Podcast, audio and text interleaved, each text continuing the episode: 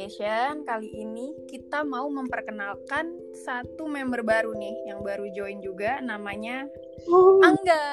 Halo Angga. Halo, Ibu. Terima kasih telah ya. Masih baru join lagi nih. Iya iya iya. Terima kasih, terima kasih telah menerima saya di di pertemanan ini. Resmi banget ya penerimaan segala.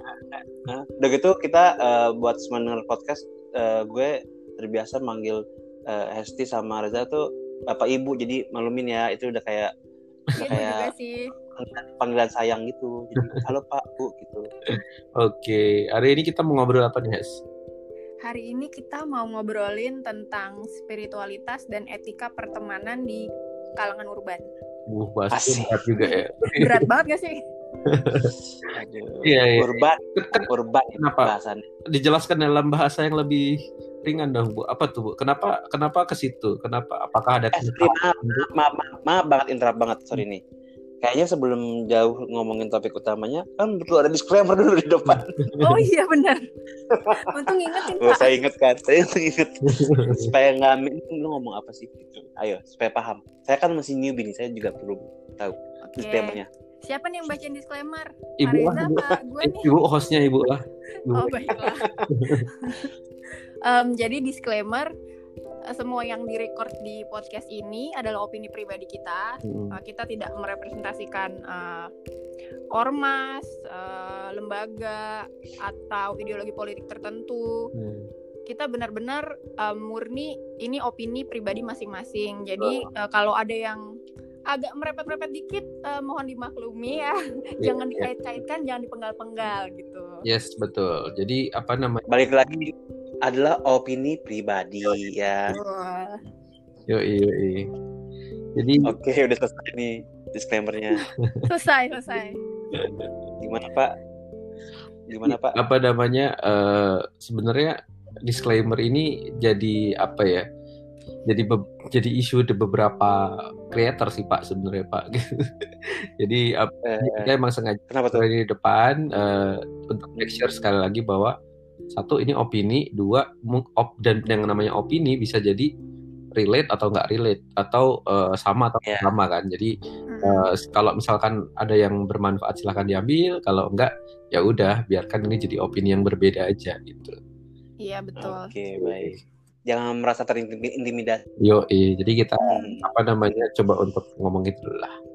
Ya perbedaan baiklah, wajar lah. baiklah. Hmm. Asik. Balik Oke, Ibu, topik utama tadi. Nggak, kita bahas Kenapa Ibu Hesti mau mengangkat mengangkat topik ini? Apa ide utamanya ini semua? apa keresahan utamanya, Bu?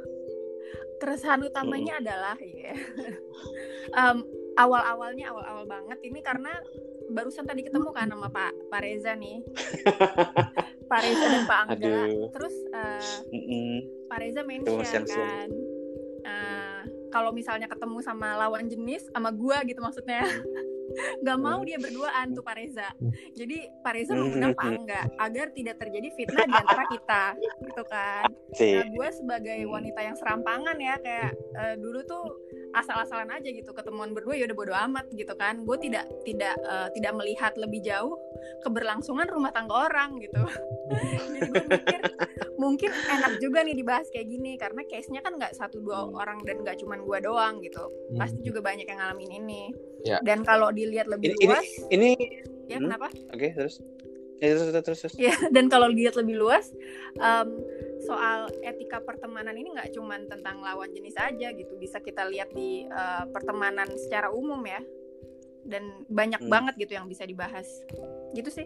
Ini tuh bisa ya ini nggak sih kayak hal-hal yang kayak em, apa ya istilahnya ya remeh temeh mungkin ya. Maksudnya Hmm. eh, sih mungkin ini nganggap hal yang sebenarnya gue nggak mikirin. Maksudnya gue sih eh, apa apa yang gue melakukan gue lakuin aja. Cuman lama kelamaan pikiran jadi ada ide gitu ya. Tapi ini ternyata hal yang mungkin remeh temeh buat sebagian orang urban. Mm-mm. tapi ya, it's really matter. Maksudnya hmm, ini bukan hal yang remeh juga loh. Kan ada sesuatu yang perlu etika yang perlu dijaga ada adab yang perlu diperhatikan ada sesuatu yang maksudnya eh, buat gue remeh temeh tapi mungkin buat orang lain itu sebenarnya Benar-benar. apa namanya itu matters banget loh eh, soal rumah tangga misalnya gitu ya Mm. uh, sebenarnya nggak mesti orang udah nikah juga ya mungkin juga orang pacaran gitu kali ya punya pasangan kali kan juga kayak maksudnya kalau nggak ngerti kan bisa salah paham kan Iya. ngajak kenapa ngajak ketemuan tiba-tiba uh, siapa tuh terus uh, kok dia gini banget mungkin mungkin kayak Terus gitu kali masuk ya Insta Story gitu kan. mungkin terus mm, mm, jadi jadi panjang urusannya gitu Mm-mm. ke mana-mana jadi jadi Iya. lo kok jadi gini gitu Iya, iya. Tapi tapi gue anyway ya sebagai orang yang tertuduh oleh Bu Hesti dari tadi Duh. sebenarnya konteksnya nggak begitu amat sih. Maksudnya apa namanya eh, orang itu kadang suka me- menyimpulkan dalam satu hal dan tidak melihat hal yang lain gitu. Kayak contohnya apa namanya ya tadi ya kayak apakah emang sebelumnya gue nggak pernah ketemu berdua misalkan atau eh, sebenarnya sih fine fine aja gitu. Cuman kita kayak apa namanya eh, belajar untuk melihat situasinya itu dari sudut pandang yang lebih apa ya ya, ya lebih ini ini Pak Reza lagi Pak Reza lagi buat disclaimer buat eh, dirinya sendiri soalnya ntar bininya bininya denger. Eh dulu kita ketemu berdua loh Pak sebelum menikah Pak. iya.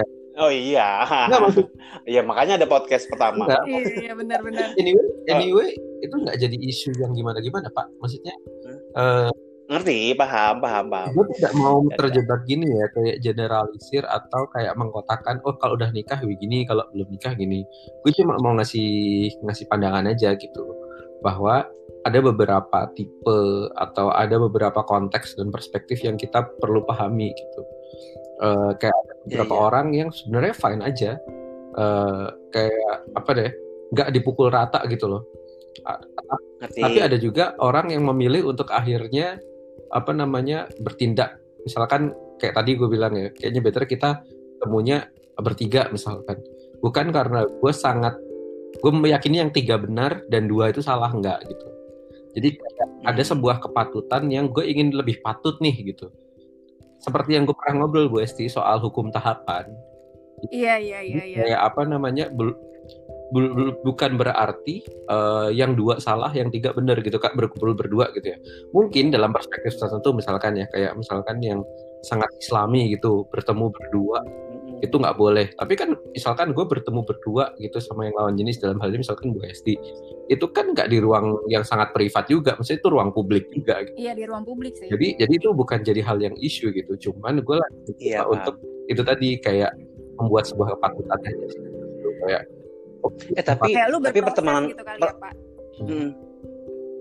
pertemanan kita juga begitu bukan sih dari dulu maksudnya dari zaman eh, Pak Reza masih single dan sekarang sudah berkeluarga. Eh, kalian tuh kalau misalnya ketemuan ya nggak setiap ketemuan sih anyway. Tapi misalnya lebih seringnya tuh kalian tuh memang ada sesuatu topik yang dibahas gitu ya di ruang terbuka di Iya, sebuah iya. mall yang mall tercinta yang sering kita kunjungi ya karena dekat kantor kita waktu itu ya. Terus selalu kayak tiba-tiba nih apa-apa terus tiba-tiba kayak ntar ada ada WhatsApp masuk eh gue lagi sama Bu Hesti mau join nggak? Iya iya iya benar itu tuh benar. sering banget kan maksudnya tiba-tiba gue jok-jok gitu waktu kita lagi masih sama-sama eh, rajin nge-gym Hmm. gitu. Masa masa lalu banget. Nge bareng kita. Terus terus kayak eh janjian yuk nanti kita makan di mana? gitu. Tapi gue kayak gue tuh kayak yang terakhir nongol gitu. Kita kita kan juga apa lunch gitu. Jadi juga gue yang paling terakhir. Sih ya, kalau Tergantung bapak urusan sih itu Pak. oke polisi India bapak oh, datangnya Mhm. gitu. Jadi ya oke oke Bos, terus terus terus gimana? Hmm, Kita mau bahas dari mana nih bu? Dari mana ya? Eh, mau bahas langsung spesifik ke situ atau secara general etika pertemanan dulu nih? Kalau gue sih lebih ngomongin soal apa ya? apa- kita mau coba untuk ngelihat berbagai macam perspektif sih. Gue pengen tahu perspektif kalian. Kayak perspektif kalian dalam hal etika-etika pertemanan yang biasanya melibatkan pertemuan cowok dan cewek gitu misalnya. Hmm. Kalian ada experience nggak yang apa ya? Yang bisa di share gitu? Eh, kalau gue ada sih Hmm. eh, agak-agak spesifik. Maksudnya Hmm. kalau misalnya eh, yang contoh simple kalau kita ketemuan-ketemuan biasa ya kayak makan Hmm. bareng di luar di tempat publik itu no problem. Em, mau bertiga, berdua laki cewek itu eh, kalau gue sih I used to cuek-cuek aja gitu. Eh, emang ke sini-sini nih mulai mulai mikir iya juga ya. eh, apalagi sejak yang eh, lu mention soal eh, izin ke istri dulu segala macam ya mungkin memang memang nggak bisa sembarangan lagi gitu gue cuman kalau uh, pertemanan in general pengalaman gue sih kalau dengan lawan jenis uh, yang yang benar-benar gue jaga itu kalau malam-malam dan di tempat tertentu hmm. nah itu tuh uh, misalnya tempat dugem gitu ya gue nggak akan mau tuh cuman berdua sama cowok doang pasti gue ajak uh, temen cewek hmm. enggaknya yang menghindarkan gue dari hal-hal yang tidak enak lah Iya, yeah, iya. Yeah. Kalau kalau kecelakaan gitu ya. Awkward juga nggak sih maksudnya oh, jadi kayak di lo juga kayak ngerasa jadi kayak misalnya les jarakan ya cuma karena memang udah udah malam hmm. tempatnya agak tertutup jadi kalaupun berdua jadi ntar pas sudah ketemu malah kayak ini gak sih aduh kok jadi kayak jadi di luar topik utama nih jadi kayak um, aduh kok jadi kayak gini ya hmm. jadi kayak dan aduh, balik lagi ke ini ya nggak nggak sesuai harapan gitu dan balik lagi ke seberapa gue kenal dan percaya orangnya sih pak hmm. kalau misalnya cuman temen cowok yang uh, jarang main bu. atau nggak terlalu akrab gue biasanya kalau kayak gitu sih uh, cenderung nggak mau ya malam-malam gitu hmm. ya yes. gimana pak bagaimana pak halo lah bapak suara hilang tadi saya hilang suara bapak Mayu. Udah nyambung kah sekarang? Kita uh, nggak tadi penjelasannya tadi nggak dengar saya ngomong yang apa. mana nih? Lossnya yang mana? Tadi yang barusan diomongin oh. itu pas lagi setelah. Jadi kalau kalau kalau saya nih ya Pak, um, kalau malam-malam hmm. di tempat-tempat tertentu misalnya ketemu sama cowok malam-malam uh, terus kayak kira-kira tempatnya uh, menjurus-menjurus gitu ya. Hmm. kayak uh, kafe yang menjual alkohol atau tempat dugem gitu. Biasanya sih nggak mau ya. Apalagi kalau cowoknya nggak akrab. Pasti ngajak-ngajak keramaian iya iya. Iya iya. Pasti sih. Itu sih yang paling ya kalau ini sih kayaknya uh, rada-rada wajar ya. Maksud cewek-cewek juga kayak kebanyakan kayak gitu. Iya. Pak Reza gimana? Um, apa ya kalau gue tuh melihat beberapa ada pengalaman. Kayak gue tuh majority temen gue tuh cewek yang apa sebelum sebelumnya pun ya. Jadi kayak uh, entah kenapa tuh mayoritas tuh malah teman-teman gue tuh cewek gitu yang biasa mungkin karena apa ya uh, pertemanan gue itu rata-rata pasti akan apa namanya eh, orang-orang yang gue tuh apa ya susah temenan sama cowok sebenarnya uh, sebelum sebelumnya tuh gue justru malah temenan itu banyak sama cewek gitu. Terus apa namanya uh, dan gue merasa fine fine aja gitu. Dulu sebelum nikah misalkan uh, dalam dan misalkan dalam pacaran aja gitu ya. Itu gue tuh nggak ada isu gitu. Misalkan gue gue punya pacar nih misal. Terus gue ketemu dengan teman cewek gue yang lain gitu. Nggak ada isu gitu. Even hmm. uh, pas pacar juga nggak nggak ada isu juga gitu. Cuman ada beberapa hal yang kemudian gua apa ya temukan setelah gue menikah sebenarnya. Itu nggak ujuk itu pak. Bu nggak langsung hmm. tiba-tiba kayak apa namanya langsung berubah 180 derajat kan enggak gitu. Kayak ada hal-hal yang kayak gue merasa apa ya gue harus menjadi orang yang satu apa ya memperhatikan gue lebih memperhatikan apa namanya perasaan lawan apa pasangan sih ketika udah menikah ya gitu karena akan sangat sangat terasa dan sangat terbaca banget gitu ya lo kan tinggal serumah pasti kan kebaca kan jadi kayak hmm. uh, dan gue yeah. Iya. meyakini bahwa menikah itu kayak kita nanam pohon gitu jadi lo kayak harus bertumbuh kan kualitinya gitu jadi uh, yang tadinya gue misalkan apa namanya ya udah keluar keluar aja atau apa gue bukan keharusan ya atau bahkan kan gue takutnya orang tuh salah mempersepsikan bahwa kalau suami izin istri atau ngupdate ke istri itu kayak suami-suami takut istri gitu. Atau kayak oh dia sangat alim banget nih sampai dia begitu gitu. Kalau gue gue sendiri ya uh, dari pengalaman pribadi gue merasa dengan gue seperti itu gue tuh kayak apa ya kayak menaikkan kualitas aja gitu. Kayak growing the relationship gitu sama sama hmm. pasangan ya. Jadi gue melakukan itu untuk gue sebagai hmm. bentuk respect gue gitu. Atau sebagai bentuk cintalah gitu istilahnya kepada pasangan gitu. Jadi gue gue mencoba untuk bertahap gue jadi lebih baik lah pasangan yang lebih baik dan lain-lain gitu. Nah makanya gue tadi sempat mention ke Bu Hesti gitu sebelum sebelumnya kan enggak kan?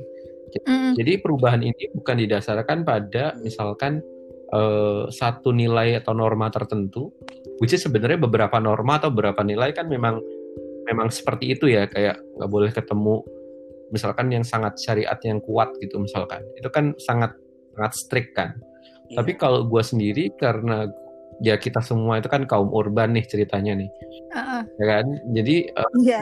biasanya kan sangat apa ya sangat liberal kalau bahasa bahasa kan sangat liberal gitu Heeh. Cuman setelah kita balik lagi ke apa ya, kayak ada relationship dan lain-lain, itu tadi kayak kita akan mencoba untuk menemukan bentuk yang yang berbeda sebenarnya. Nanti ketika kalian misalkan sekarang kan kalian belum menikah nih, nanti setelah menikah kalian pasti akan menemukan bentuk apa ya, bentuk sosial yang baru gitu. Bahwa kalian nggak lagi sendiri gitu, entitasnya tuh nggak lagi satu, tapi entitasnya tuh dua atau lebih kan, minimal dua Hmm. lah gitu. Ketika ada ada dua entitas apa dua dua komponen dalam satu entitas keluarga misalkan itu tuh pasti akan mulai berubah tuh gitu jadi Dan hmm, menurut gua apa ya di luar konteks agama memang bagus sih. Jadi keterbukaan komunikasi an- sama antara kita dan pasangan hmm, itu kan juga mempengaruhi relationship ya pak ya. betul betul Jadi semakin lo terbuka, Hmm. ya nggak harus eh, kayak suami-suami takut istri gitu kan Mhm. perumpamaan yang sangat lebay gitu. Mhm. Maksudnya lu nggak harus jadi suami takut istri pun Mhm. sebenarnya izin kepada pasangan adalah hal yang baik sih kalau menurut gua.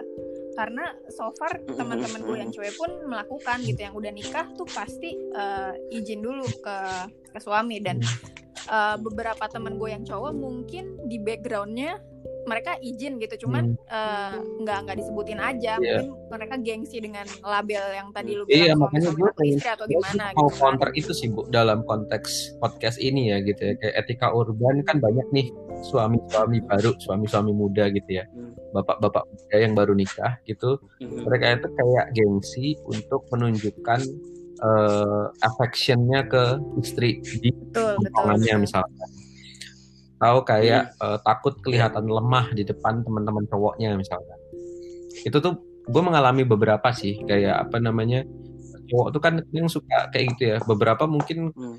Ada elemen-elemen patriarkinya mungkin atau mungkin ada kayak apa namanya emang itu udah kayak jadi culture aja gitu di tongkrongan kan. Jadi kayak kayak suka gini. Nah gue tuh ingin sebenarnya ngomong ini bahwa nggak seperti itu loh gitu.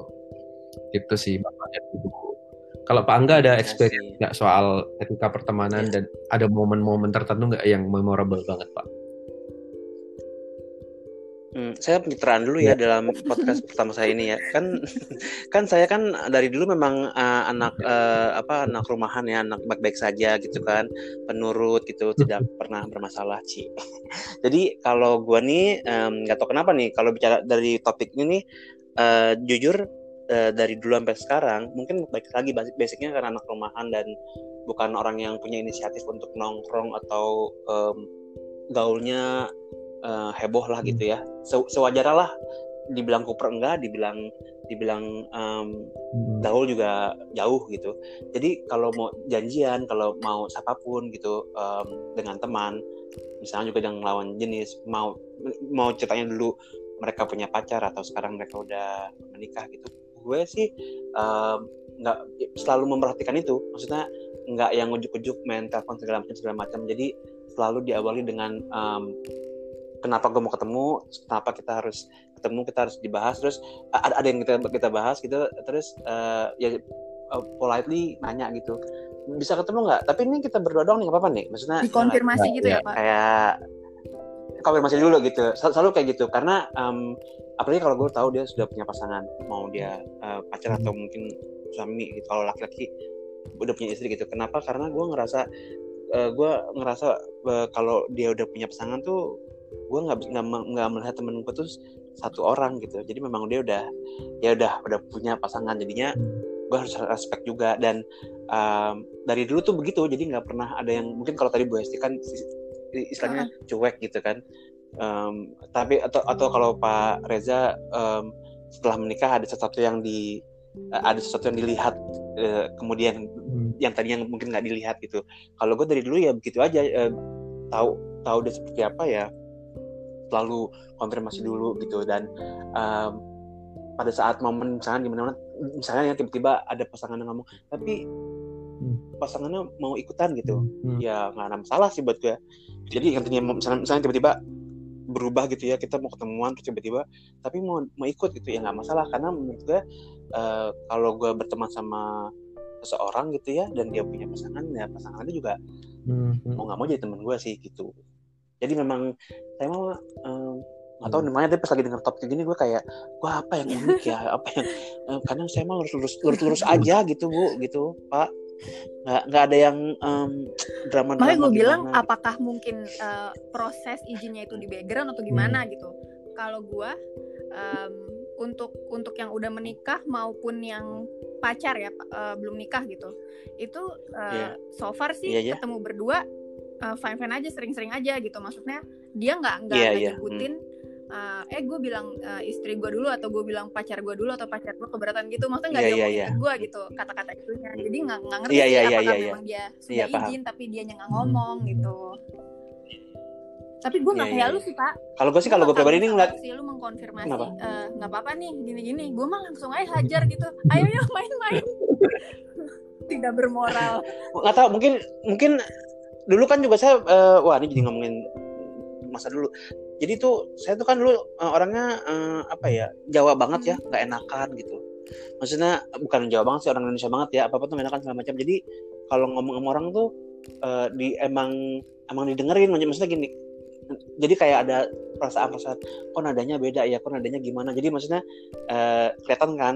Padahal ini sebenarnya menurut kita ini hal kecil nih tapi begitu mau ketemuan tiba-tiba kayak oh ntar di ini ya ntar gue kabarin lagi ya misalnya nadanya tuh kayak ya, kok kayak gitu kayak nggak pasti hmm. nggak hmm. firm kayak kok ini kan so, so, so simple kita ngebahas sesuatu mesti ketemuan terus ya udah gitu misalnya simple kan tapi kan kayak ngomongnya tuh kayak agak muter ya atau kalau kayak kok ribet banget sih cuma jawab iya apa enggak aja gitu nah itu berarti kan lo melihat dong mungkin ada sesuatu yang pengen dia um, minta izin dulu atau mau dia mau konfirmasi. Jadi gue kan nggak tahu gue sih merasa itu itu udah udah kelihatan kan. Jadi makanya gue juga jangan egois ngerasa ya ilah gitu gitu doang ribet banget.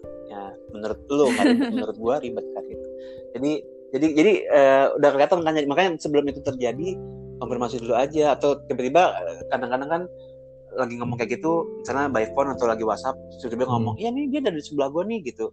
Entar gue tanya dulu ya gitu. Jadi maksud gue politely mesti apa ya gue gue mau ngomong sama lo tuh hmm. bukan mencari masalah gitu kita ada yang mau diobrolin gitu jadi kalau tiba-tiba ada sesuatu masalah yang timbul karena bukan semestinya yang mesti dihadapi nih gue menghindar ya, banget gue boleh kasih gitu ya. perspektif tambahan nggak hmm.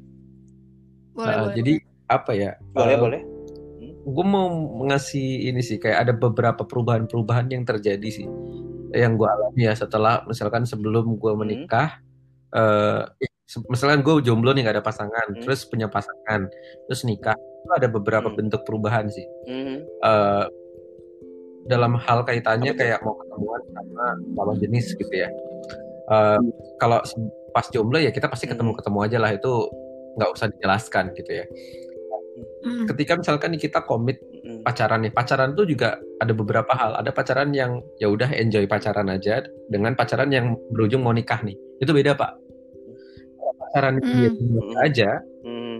Ya, seriusan menuju ke menikah ya, ya, ya.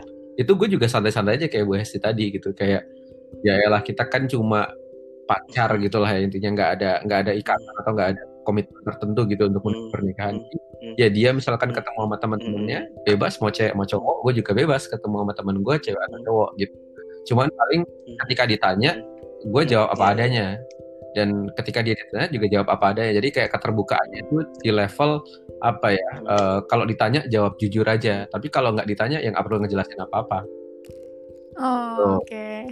nah ketika udah ya, ya, berpasangan apa. dengan pasangan ya, ya. yang punya komitmen mau menikah itu mulai berbeda. Jadi kayak yang tadinya itu terbuka uh, as in kayak ketika ditanya, kalau ini tanpa ditanya pun kita akan ngasih ngasih apa ya? Gue gue nggak mau bilang minta izin ya, kayak ngasih ngasih info aja gitu di depan. Jadi kayak hmm. sebuah kepatutan aja yeah, gitu yeah, yeah. kayak untuk membuat dia hmm tanpa iya, lo gitu. mancing juga gue akan kasih tahu iya. sih. Kita akan ngomong dulu iya. sebelum kita siap-siap mau pergi atau mau ke mana gitu kita akan ngomong kita ini ya mau ketemu ini gitu. Which is sebenarnya ketika nanti udah ketemu biasanya pasangan nggak akan nggak akan riuh tuh. kalau udah menikah, nah ini yang yang adalah ada perubahan lagi yang terjadi nih gitu. Pertama, jelas lo harus ngasih info di depan, biasanya Oke. ngasih info di depan. Yang kedua, biasanya apa namanya? Lo akan punya kecenderungan untuk ngasih tahu nih kalau misalkan kayak lo ngerasa pertemuannya udah terlalu panjang. Lo akan kayak ngasih info tambahan nih. Kayak misalkan apa namanya? eh, aku pulangnya estimasi jam sekian ya gitu. Just just it. Iya, jadi kayak tapi gue gue tuh menghindari kayak gitu pak gue menghindari term kayak lapor atau easy atau ngupdate karena kenapa iya. karena beberapa Iya, iya. kaum pria itu merasa egonya kena kalau kita ah lu dikit-dikit lapor istri atau Oh Ya, iya iya apa? iya iya. amat sih gini gini gini gini gitu gitu Iya iya iya iya. padahal sebenarnya menurut gue ini kita ngomongin etika ya etika yang benar Heeh. itu ada Mhm. ya jadi Nah itu baru mau ketika kita ngomongin etika, menurut gua etikanya harus begitu gitu. Cuman kadang yang namanya nggak tahu ya, apakah ini di Indonesia doang atau di tempat lain juga sama. Orang itu kadang ada label-label patriarki atau label-label maskulinitas yang yang disematkan pada hal-hal tertentu yang membuat laki-laki itu jadi jadi tend to asshole aja gitu. Jadi jadi sikap asshole aja gitu. Karena di Dan padahal menurut gue sih. bagus itu pak. iya, Karena kalau di uh, circle gue ya, justru um, yang sering gue temuin lah ini cewek-ceweknya yang uh, secara Hmm. openly bilang gue minta izin suami gue minta izin Hmm. suami gitu kalau cowoknya mungkin in the background gitu nggak bilang-bilang yang Hmm. lainnya dan uh, menurut gue kenapa cowok nggak nggak ngomong aja gitu maksud gue nggak kenapa kenapa harus malu dengan hal-hal kayak gitu gitu itu kan komunikasi yang Hmm. bagus di hubungan Betul. lo itu sih bu ada benturan sama maskulinitas patri- apa budaya patriarki mungkin atau mungkin nilai-nilai yang kalau kita ngomong di tongkrongan itu ngerasanya kayak kita tuh lebih lemah dibandingkan perkumpulan itu gitu kayak wolfpack nih kumpulan kan oh laki-laki iya itu. kalau gue bilang gue mau izin istri. Cowok tuh apa-apa Iya, jadi- kan? tanding-tandingan mana yang lebih alfa gitu loh. Nah menurut gue adalah ini yang harus kita counter sih sebenarnya. Bukan bukannya apa-apa ya kayak kita tuh apa ya ya kalau kita berkait kalau gue mengkaitkan dengan apa namanya spiritualitas dan juga dengan etika-etika ka- apa ya religiusitas yang gue punya gitu ya bahwa eh, kita tuh butuh respect sama perempuan gitu. Satu Hmm. perempuan itu kan hatinya kalau dibilang tuh kayak kaca ya. Jadi eh, lo tuh begitu dia retak tuh nggak bisa nggak bisa lo gak balikin lagi sebenarnya. Ya dia retak retak aja gitu. Apa dia pecah nggak bakal balik lagi ke kondisi gue baru denger pak yang perumpamaan kayak kaca setahu gue hatinya lembut ya. Kaca Iya, Oh iya, iya, hati perempuan kayak kaca, Jadi kayak heeh. apa, kalau kalau di hadis tuh kayak besi bengkok. Ah, iya iya itu. Tapi kalau misalnya kaca gue juga lagi lagi, lagi, lagi mencerna nih gitu kayak kaca uh. Baru nih, baru. Eh, berarti bisa bercermin dong hatinya. Yoi. Bercerminlah pada Gua- hatimu. Eh, gila. Ekspektasi gue apakah bercermin gitu kan kaca ya gitu iya.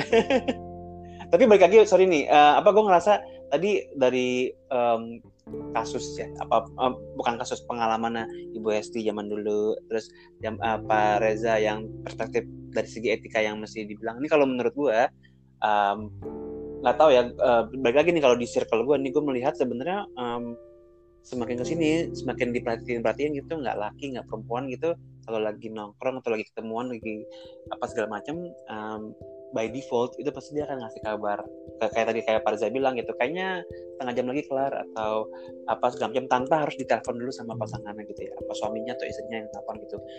Gue sih ngerasa itu kayak menurut gue nih nah, itu kayak udah udah by nature aja. Maksudnya em, ya nggak tahu gue nggak tahu perspektif gue nggak nggak melihat dari sisi apakah ini cuma ada di eh, orang-orang eh, Melayu kayak kita tapi di Barat gimana? Nggak gue nggak nggak nggak berpandang sana sih. Tapi gue ngerasa itu tadi kenapa gue gue kenapa dulu dari dulu tuh selalu mencoba untuk eh, confirm dulu oke apa enggak ketemuan segala macam apakah dia oke juga apa segala macam itu. Karena eh, mereka kan udah punya pasangan nih gitu. Udah punya suami atau punya istri. Itu kan udah kayak semacam coba koreksi ya Pak eh, Reza ya. Saya kan masih single nih Pak ya. Itu kan udah kayak udah menjadi satu nih kan ya udah menjadi satu. Jadi kayak udah menjadi bagian dari hidup lah gitu. Jadi itu kayak ya udah gue sih nggak gue nggak menganggap itu oh ini cowok cemen banget. Laki nggak punya harga diri atau misalnya cewek nih bucin banget gitu. Nggak gitu. Nah, gue ngerasa karena itu is part of his or her life gitu ya. Jadi kayak em, em, eh, kayak tadi misalnya yang Pak Reza sebelum ditanya udah nanya udah ngasih tau dulu atau uh, sikap-sikap yang lainnya gitu secara etika gue ngerasa itu udah kayak ya udah by nature aja. Memang gue mau gue mau ngelakuin jadi gue nggak pernah memandang rendah. Kalau ada orang yang tiba-tiba ngasih tahu istrinya atau Ini apa juga nggak sih, gitu Pak? atau Eh, suaminya kemajuan mesti ngomong. teknologi berperan nggak sih? Soalnya gue merasa sejak ada video call video Pasti, call itu ya, kayak pasti. orang tuh udah lepas-lepas aja gitu. Maksudnya saling ngabarin tuh kalau video call tiba-tiba lagi nongkrong bareng-bareng, Iya. terus video call sama sama orang rumah gitu. Eh lihat nih anak gue, nih, istri gue gitu. Eh gue lagi sama si ini gini gini gini gitu. Jadi kayak eh, iya keterlaziman itu iya jadi jadi sarana bagus gitu untuk komunikasi rumah tangga menurut gue. Iya, jadi kayak balance ya eh, video callnya kalau kayak mau show off itu tadi kayak Hmm. ya bisa bilang show off gitu ya. Tapi eh, in the same time eh, dia bisa up, up- up- Iya, update di IG story-nya dia lagi nongkrong gitu sama teman-temannya. Jadi kayak berimbang nih supaya nggak salah paham ya di antara kita semua ya. Istrinya juga bisa mantau kan nih Tapi instastorynya. misalnya itu, itu bisa dia. Jadi jadi balik lagi itu kayak kalau menurut gua itu kayak em, pengaruh sih pasti teknologi, sosial media pasti sangat berpengaruh dalam kehidupan kita saat ini, saudara-saudara gitu. Kalau gue Hmm. mau Itu dari etika lagi ya? sih kayak kalau orang udah menikah itu kalau gue ya merasanya ya dari sisi gue gitu waktu itu jadi punya kita doang gitu. Hmm. Kayak Hmm. iya jadi kayak lo tuh waktu tuh nggak jadi punya lo doang kepemilikan atas waktu lo gitu ya. Jadi kayak dalam 24 jam waktu gue dalam sehari Hmm. gue tuh harus punya slot waktu untuk istri dan anak gue gitu misalnya. Hmm. Jadi gue tuh nggak bisa mengabaikan itu gitu. Jadi apa namanya kalau gue misalkan ngambil waktu yang seharusnya gue alokasikan untuk istri dan anak gue, biasanya gue akan either izin atau gue nanti akan mengkompensasi itu dengan hal lain gitu. Jadi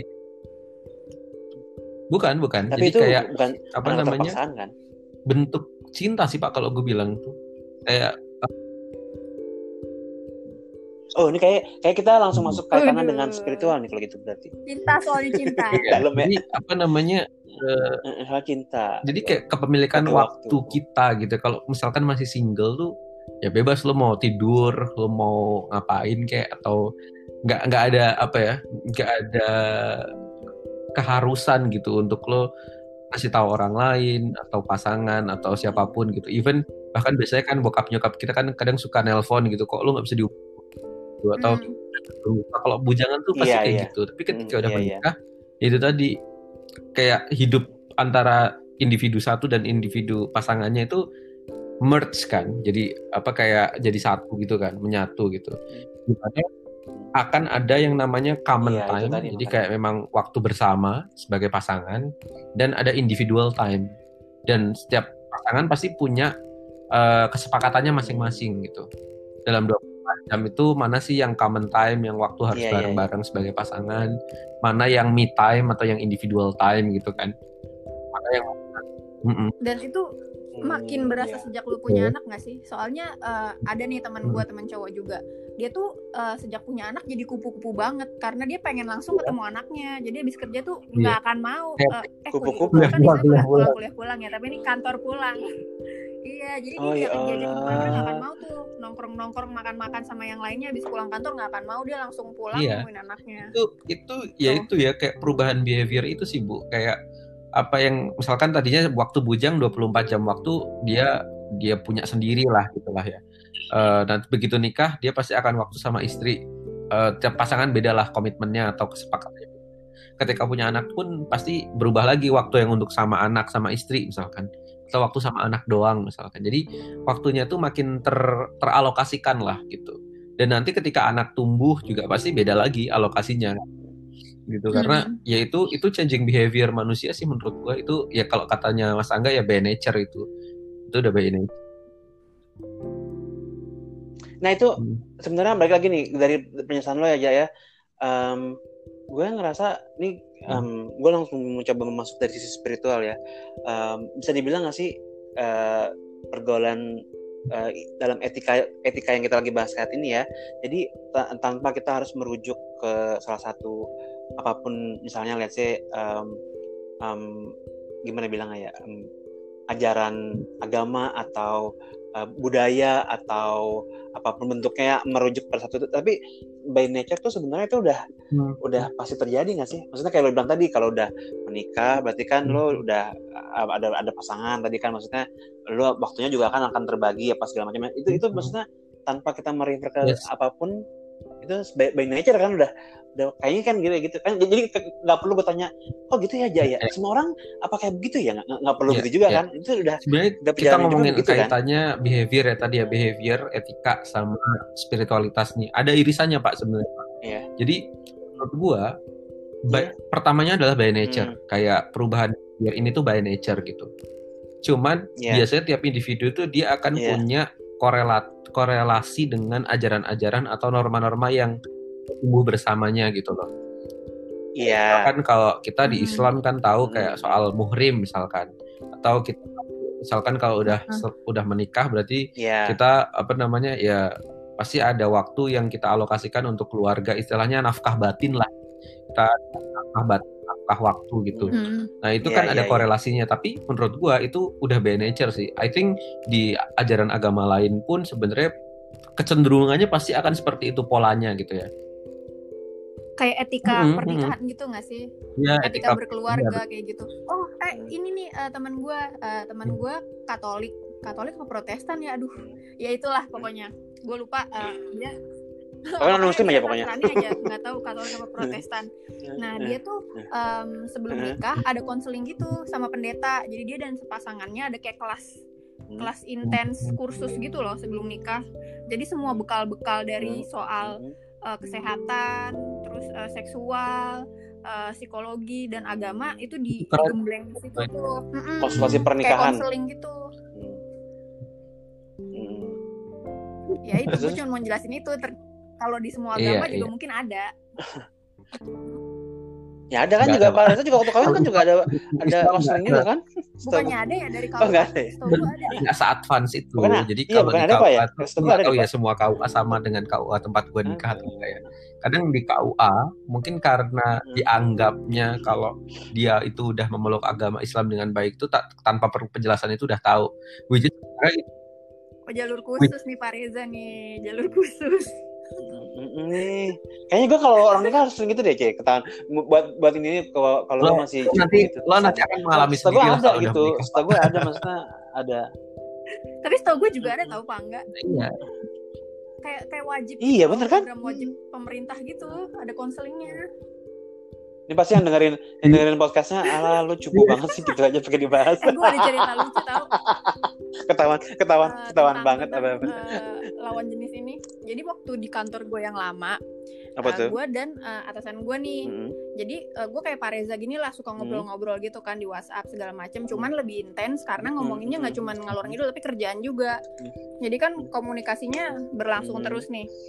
Nah suatu hari pada suatu ketika gue mendapat WhatsApp teng tong yeah. halo Hesti. Saya ex hmm. istrinya ex waduh. Hmm. gue mikir gue udah oh. gue akan dilabrak. Okay. soalnya aneh banget coy. Ngapain hmm. istri istri hmm. istri orang gitu istri temen cowok lu menghubungi lo gitu? Apa gitu? Apa urgensinya gitu kan? Gue nggak pernah nih sama sekali menerima hal kayak gini kan. Terus terus, terus uh, setelah gue buka oh iya terus, terus, uh, salam kenal gitu lah pokoknya basa-basi kayak gitu. Terus dia bilang uh, minta tolong dong besok kan ulang tahunnya si X. Ya akhirnya gue cuma disuruh ini hmm. apa kayak gathering uh, teman-temannya buat buat surprise kayak gitulah. Gue udah oh untung gue kira mau dirabrak gue ya. serem banget. Eh. tapi dari kasus dari dari hal itu ya pertanyaannya gini uh, kok bisa uh, nah, istrinya nah itu, nomor lo why?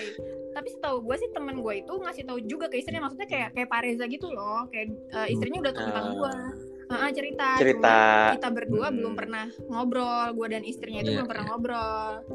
Yeah, iya, gitu. yeah, yeah. tapi mungkin uh, eh, yeah. dia membaca wa wa nya apa gimana terus oh ini ada nomornya nih. Terus wa gue gitu kali.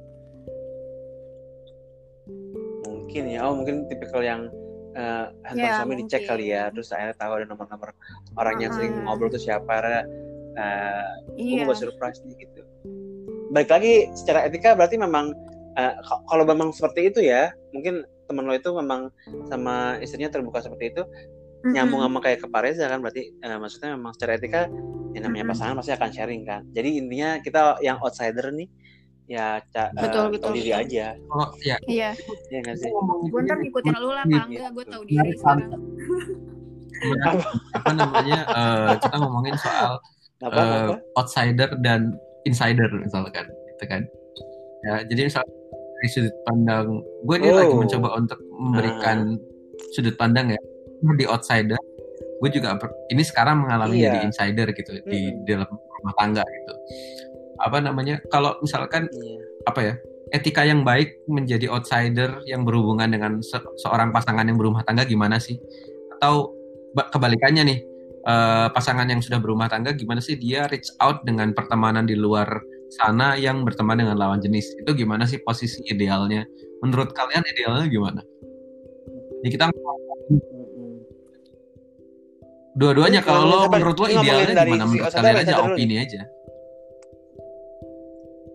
yuk siapa dulu nih pak enggak Bu Esti gimana Bu Esti? oh yaudah pak enggak dulu Saya dulu ya, saya dulu ya. lempar-lemparan Banji, gue banji tampil banget ya. Banji tampil banget pengen pertama ngajak ngomong gitu. Eh, kalau dari outsider ya udah nggak perlu ditanya, nggak perlu tanya lagi kan. Maksudnya gue udah punya Hmm. apa eh, pola pikir tersendiri kan. Memang dari udah, udah gue lakuin. Mau apa pun bentuknya lo juga mesti respect ke teman lo yang sudah punya pasangan gitu.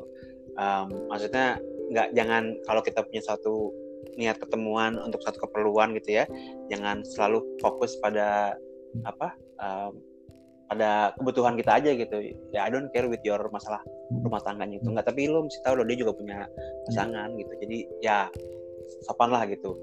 Kalau dari eh, insider hanya ini kan ngarang nih gue nih jadi pemirsa enggak em, masih jomblo silakan. Heeh,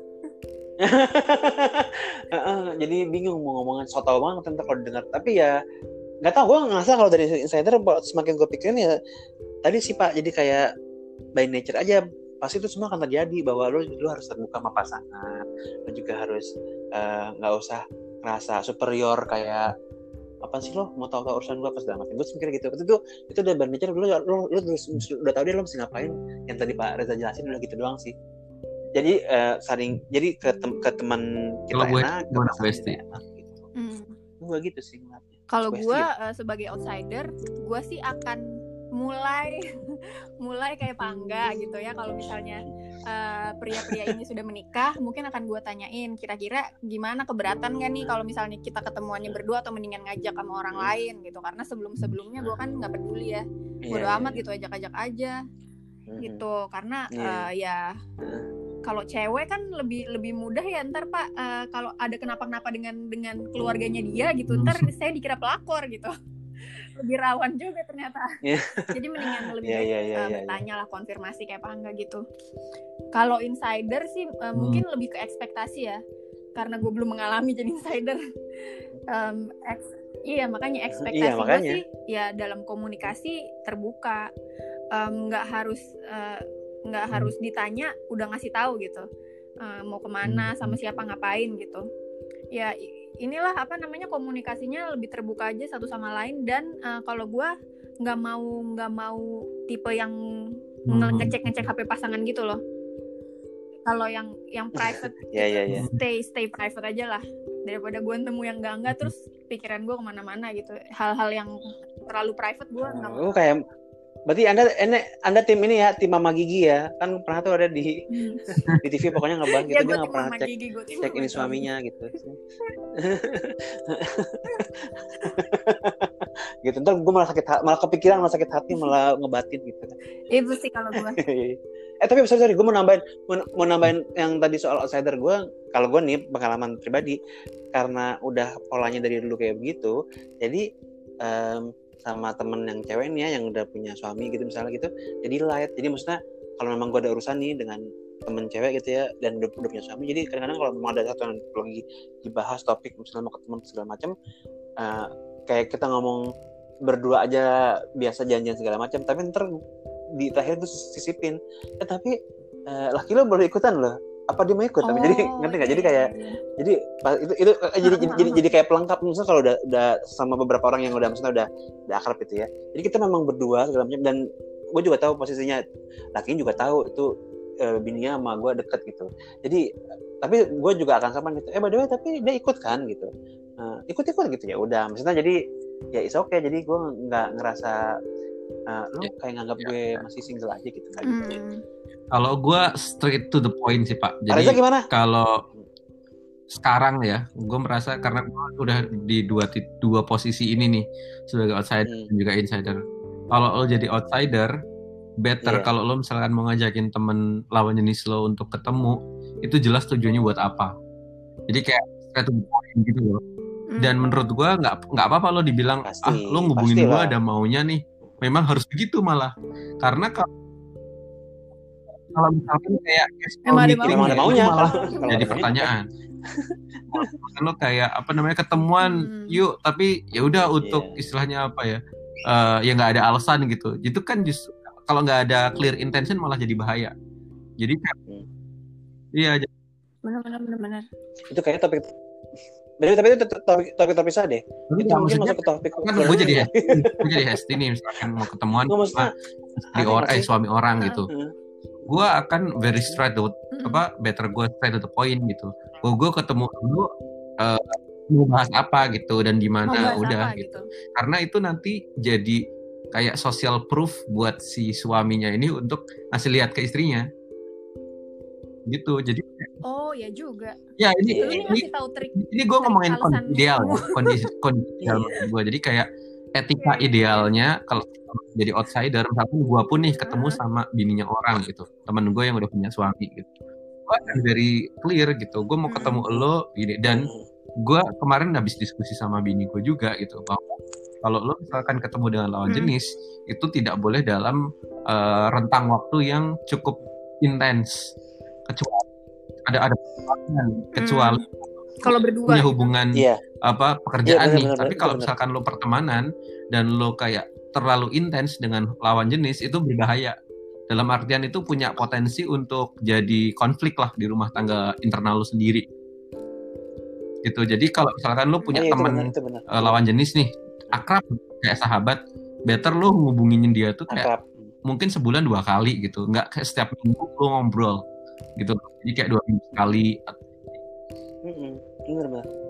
Itu benar Kalau yang gue baca di artikel-artikel psikologi sih eh, pembahasan masalahnya sih yang yang dibatasin jangan sampai ngomongin urusan Hmm. pribadi. Jadi yang benar yang lu bilang sih eh, ada ada suatu Mm-mm.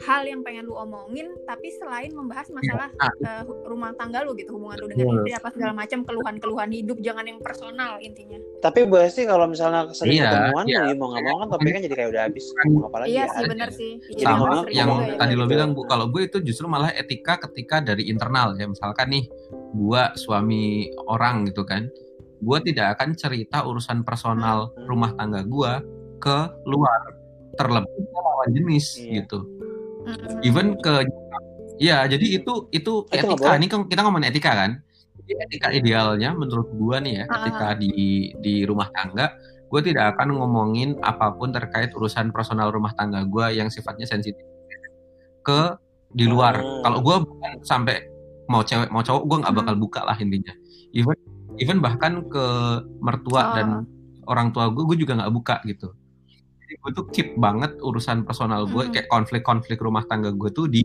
di di gue doang di gue sama istri gitu jadi, jadi kecuali kita iya iya kalau Hmm. berdua udah nggak kuat better lo udah lan- nunjuk eh, professional counselor jadi jangan curhat nih ke temen curhat Hmm. ini nanti karena Panjang mereka ya. bukan professional counselor ya itu berbahaya kayak potensi mereka untuk memicu konflik lebih tinggi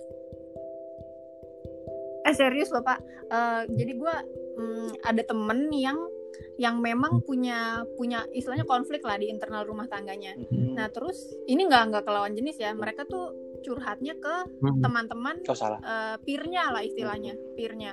Kebetulan peernya ini Hmm. eh, mungkin ya mungkin toxic gitu. Jadinya malah Nah, mengasih, itu. eh, ngasih anjuran-anjuran yang nggak benar. Hmm. Apalah itu yang gue makanya gue kita kita lagi ngomong lagi maksudnya apa ya ini kan experience gue nih ya maksudnya nanti nggak tahu nih pendengarnya siapa gitu ya kita ngomong podcast ini tapi itu best practice banget sih bu. Kayak lo jangan sampai urusan rumah tangga dapur lo sendiri itu lo buka ke orang lain yang bukan profesional di bidangnya gitu.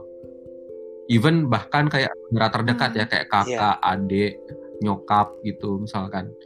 Menurut gue sih kalau gue ya eh, secara pribadi gue nggak nggak rekomend gitu. Better langsung ke profesional counselor gitu karena dia akan akan melihat dari sudut pandang profesional gitu punya ilmunya gitu Iya, iya. Ini bisa kita petik dari budaya barat nggak sih? Mereka tuh kalau apa-apa Ya. pasti ke konselor Iya, kan. betul Mereka orientasinya eh, medis, betul betul terus jadi eh, konseling gitu lah kan. gitu pendekatannya Rehab saintifik macam langsung. Ah, ah, Ya, bisa dari segi tadi barat gitu ya atau nah ini tiba-tiba saya ber- eh, lebih religius nih kayaknya. Kalau gue malah melihat ini dari tulisannya Nih, Pak Reza gue malah melihatnya dari Hmm. sisi agama. Karena beberapa eh, kajian-kajian yang cah lo kayaknya gue anak ngalim banget gitu. Yang gue yang gue Hmm. ikutin atau gue denger apa segala macam memang emang nggak boleh seperti itu kan. Maksudnya eh, dan ini gue lagi melihat perspektif dari sisi eh, agama gitu ya. Itu memang kan nggak boleh kan. Eh, dan nggak boleh itu bukan nggak bukan nggak bukan nggak semena bukan dalam arti kata kok nggak boleh sih kenapa tapi memang itu ya terbukti dalam mungkin bisa dilihat artikel psikologi yang bisa ibu bapak cari gitu itu kan jadi kayak ini kenapa jadi masalah ya gitu malah menimbulkan masalah sebenarnya gitu Jadi secara saintifik Mm-mm. terbukti, secara riset Iya, terbukti iya, gitu iya. larangan Mm-mm. agama tuh. nah Mm-mm.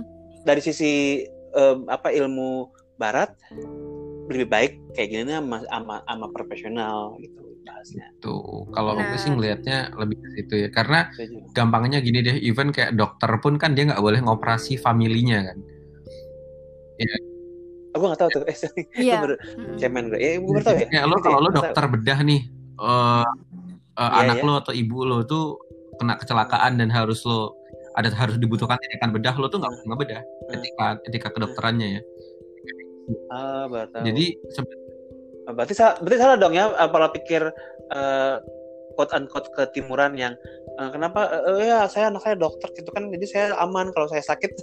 Ada Pengen gitu kan dokter. atau anak dokter atau dokter. Gue juga sempet oh ternyata gitu kalau ada apa-apa nggak Enggak, boleh kalau ya? untuk konsultasi Dokter. medis sih oh fine nggak masalah. Cuman ketika bedah bedah tuh kayak kalau kalau etika bedah tuh nggak boleh ada subjektivitas.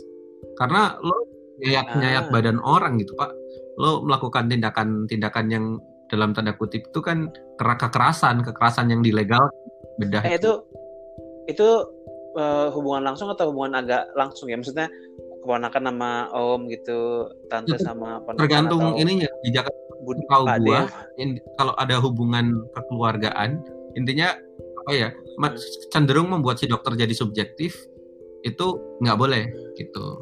Jadi harus orang Oh, lain oke. gitu. Jadi sebenarnya sama kayak konflik yang ada ya kayak misalkan konflik dalam rumah tangga atau konflik-konflik yang lain itu better diselesaikan dengan orang yang netral dari konflik tersebut. Kalau tadi tuh khususnya Setuju. Bu Esti misalkan temennya kan nggak nggak netral dia akan pasti akan lebih cenderung bela temennya dong. Kalau di Iya, gue inget nih ada satu khotbah Iya sih. pernikahan. Jadi gue dat gue datang ke pernikahan sepupu gue gitu kan. Terus di di pernikahan kan suka ada Hmm, khotbah pernikahan tuh. Kalau di Hmm. bapak-bapak ini bapak dari ustadznya ini itu biasanya kalau Iya. eh, itu harusnya cross silang jadi misalkan gue ada isu sama istri gue nih eh gue Iya. tuh ngadunya bukan ke ke ke orang tua gue tapi ke mertua gue hmm ya ya ya, orang tuanya yang tahu anaknya sama nih. Nah itu itu itu juga uh, etika yang terkait dengan religius religiusitas ya spiritualitas gitu.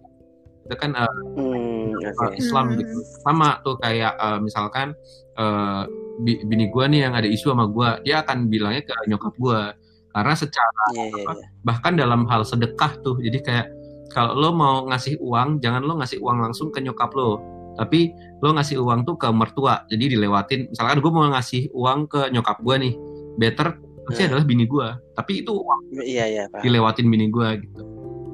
Sama kayak misalkan eh, mau ngasih Oh, duit iya, mertua iya, nih, iya, itu iya. dilewatin gua dulu gitu untuk dikasih ke mertua gua gitu. Jadi betul Tapi itu juga jadi kayak promote keakraban gitu sih, Betul, betul. relationship Itu jatuhnya untuk ngebangun ngebangun gitu. rumah tangga yang sehat dalam hal Iya. misalkan hubungan mertua dan menantu gitu. sih. To- topiknya jadi berkembang ya etika pertemanan jadi etika rumah tangga nih Kan berkaitan kan ini ngomongin Etika pergaulan jenis kan. iya iya iya iya. Coba gue udah nikah nih banyak. tapi tapi tapi itu bener. tapi benar ya gue juga baru ingat dari dari dari semua penjelasan tadi ya gue baru ingat eh, kejadian-kejadian yang gue lihat sendiri eh, mungkin dalam eh, keluarga jauh dan segala macam itu yang memang em, tadi kalau nggak nggak kalau nggak sesuai dengan ahlinya jadi ribet ya. Jadi kayak ada istri akhirnya punya masalah sama suami ngomong sama keluarga istrinya sendiri. Akhirnya dikompor-komporin. Jadi sebenarnya menurut gue nih sebenarnya sebenarnya itu masalahnya nggak nggak ribet sebenarnya gitu. Tapi kok jadi kayak panas banget ya gue kayak ngerasa "Ih, drama banget ya hidupnya. Ya." tapi kalau lebih pikir yang drama tuh ya keluarga istrinya kalau menurut gue Hmm. ya itu ya itu karena memang iya mestinya tuh Saling kan ini wah gitu jadi panjang gue kayak yang wow, wow. Mendingan kita menonton saja dari luar. Gitu Iya. jadinya. Gue juga jadi belajar Hmm. sih kalau lihat kasus-kasus teman gue segala macam gitu eh, mempertimbangkan maksudnya Hmm, kelak gitu ketika gue eh, nikah dan amit-amit ada bener problem bener bener udahlah bener. gue konseling aja Bener, gitu ke, ke yang emang udah pakar. Karena mereka pasti ngasih ngasih eh, pendapatnya dan nasihatnya tuh udah based on eh, riset Iya. dan pengetahuan-pengetahuan yang dia punya yang lebih bonafit lah istilahnya dari dan ini bisa dibilang nggak sih? Dari obrolan ini tuh maksudnya eh, apa namanya eh, memilih kita kalau punya masalah segala macam ke ke ke kos ke konsul ke apa ke ahlinya segala macam ini ini mungkin bisa dibilang sisi spiritualnya bukan sih? Kalau gue malah ngelihatnya gini Pak, ada perubahan lagi ya kayak Hmm. eh, dulu sebelum kita tahu nih soal apa profesional-profesional di bidang konseling gitu-gitu, ya tadi pendekatan spiritualitasnya pakai cross tadi yang gue bilang kayak Hmm, eh, untuk memecah konflik itu kita ngelibatin eh, pihak seberangnya gitu ya. Nah, ya tapi ya ya dengan berkembangnya ilmu pengetahuan terus dan juga akhirnya kan kayak psikologi segala macam kan akhirnya ada profesional-profesional di bidangnya kan. Terus Hmm, kalau di kalau di Islam kan kita sel- ada Hmm. satu ayat atau hadis gitu yang bilang kalau ada problem itu serahkan pada orang yang memang ahlinya gitu untuk menyelesaikan Hmm. problem. ya, Sebenarnya kita datang ke konselor pun bukannya Hmm. kita ngelancangin kayak nggak bilang ke mertua kita gitu ya atau ya ya kayak menegasikan hukum yang lama ya. Tapi kita ngikutin kita langsung ke konselor itu juga ngikutin ajaran agama. Contohnya kayak apa kita tuh menyerahkan masalah pada ahlinya gitu. Masalahnya nggak bisa Iya. diselesaikan di rumah tangga nih uh, suami istri Hmm. nggak bisa nih gitu. Ya udah kita berdua sepakat nunjuk satu konselor yang dua-duanya disepakati nih. Jangan cuma satu pihak yang uh, yang kayak serak yang satu nggak serak itu juga nggak bakal jadi. Jadi kalau lo pun nanti kayak nunjuk konselor Bu Hes misalkan nama calon suami lo gitu ya nanti ada konflik Hmm. itu harus dua-duanya sepakat nunjuk Hmm. si uh, konselor A gitu betul betul jadi, Kayak jadi milih harus dua-duanya Pak. sepakat gitu Iya. Heeh, dan menurut gua nggak apa-apa, nggak apa-apa, eh, nggak apa-apa pakai konselor yang dari sisi spiritual atau religius gitu, yang eh, afiliasi agama. Karena kan nggak semua orang bisa afford konselor pernikahan kan, itu kan mahal tuh tarifnya. Iya, makanya nggak apa-apa ke Pak Iya, yang netral siapa pun juga. asal bukan dari pihak keluarga aja sih menurut gue. Jadi dan balik lagi ya teman-teman semua eh, pembahasan konselor tadi ini semua nggak akan menjadi seperti ini semua kalau dalam berteman kita memperhatikan etika nggak ada tuh nanti konflik rumah Betul. tangga kecurigaan konflik apa segala macam balik lagi nih Iya. Tidak akan makanya tahu diri sama teman aku dalam dalam berteman tahu diri udah menghadapi sama siapa Iya. hey hey, hey, hey. Kalian gak usah nikah pak kalau gitu pak. menurut gue ya kalau kita buka itu kayak literasinya ya kayak contohnya iya benar eh, kita tuh harus melihat kita ngebuka perspektif lah jatuhnya perspektif ketika jomblo misalkan atau single nggak punya pasangan gimana? Eh, perspektif ketika lo udah punya pasangan tapi belum nikah gimana? Terus Hmm. pasangan yang sudah menikah itu tuh beda gitu behaviornya beda-beda dan kondisi mental psikologisnya juga beda. Intinya ketika lo memahami setiap kon apa ya state of mind masing-masing atau mental state-nya orang-orang ini nih eh, di fase-fase ini nih Hmm, konflik itu percayalah pasti terjadi nggak mungkin pasti lo ya. nggak bakal kena konflik kan gue pun udah Iya. melewati beberapa hal akhirnya gue belajar kan akhirnya kan that's why sebenarnya Iya. podcast ini tuh untuk untuk sharing itu gitu apa yang gue jalanin mungkin bisa diambil sama pendengar gitu kalaupun apa namanya itu pas gitu misalkan Jadi jadi sih kita butuh untuk mengakui bahwa ada berbagai perspektif, ada berbagai Ya, kondisi Setuju. Gitu sih. Tadi makanya ada, ada, ada keluarlah keluar kata-kata outsider dan insider ya makanya ya. Beragam. Mm-mm. Nah, Mm-mm. oke ini mau disimpulin apa gimana nih? Baik. Mau tutup aja, mau disimpulin apa langsung Apa mau tutup? kita tutup aja ya? Mm-mm. Ntar lanjut pembicaraan berikutnya. Pak Angga biasanya suka Terserah, menyimpulkan. dulu aja Pak. Ah, Enggak, saya kan newbie, saya belajar dari bapak ibu dulu dong. bapak ibu saya serahkan. Eh, waktu dan tempat saya persilakan. Pinter ya, Oke. banget Coba ya. Pak, Pak Reza Apa ya? eh, sebagai insider. diskusinya menarik banget. Harusnya kita bisa lebih apa ya? eh, next time kita bisa bahas yang lebih lebih case by case ya. Mungkin nanti kita bisa buka open question dulu di Instagram sebelum kita record misalkan. Jadi kita kayak record kita itu kayak jawaban dari eh, pertanyaan-pertanyaan atau diskusi-diskusi yang ada di story Instagram atau konten gitu kan. Jadi Ah, that's good, ya. Itu jadi menarik bisa jadi bentuk engagement lah ya. Jadi kayak reply uh, audience maunya apa kita bikin konten. Tapi ini sebagai permulaan, it's a good content. Nanti kita akan terus improve. Uh, intinya uh, di podcast kali ini kita lagi bahas etika satu. Jadi ada beberapa komponen nih. Pertama kita ngobrolin soal etika. Etika ini Iya. dipicu keresahan Bu Esi soal pergaulan lawan jenis nih, terutama Hmm, urban ya kan. hmm, dong orang kan Hmm. ada orang lebih bebas Iya. lah orang nggak nggak nggak terpaku oleh norma-norma sosial Hmm. makanya kan hmm. ternyata orang liberal orang yang bebas juga jadinya konflik kan kalau kita nggak nggak hmm. etika kan gitu Eh, terus Betul, etika ini ada betul. kaitannya juga dengan norma-norma yang ada baik itu norma sosial atau norma eh, spiritualitas atau norma keagamaan yang sebenarnya ini nyambung nih di payung besar kita gitu kan di spiritual. Hmm. So I think uh, it's a good discussion gitu ya. Uh, thank you uh, Bu Hesti, Thank you loh, thank you seru loh. ah, gitu. Saya saya pecah telur nih akhirnya sama bapak sama ibu nih. Time Makasih loh telah ngajak-ngajak saya. Mohon Terus maaf loh, atas kekurangannya. Eh. Oh gitu ya. loh, eh, jadi saya nggak bisa ngajuin cuti ya? Iya, udah dibayar nih. bisa. Baik, baik. So, berjumpa dengan bahasan-bahasan selanjutnya dengan Baik. Pak Angga. Setuju. Uh, thank Terima kasih Bu Esti, ya, Bapak Reza, yes, Terima bye bye kasih. semua. Terima kasih. dah semua. Terima kasih.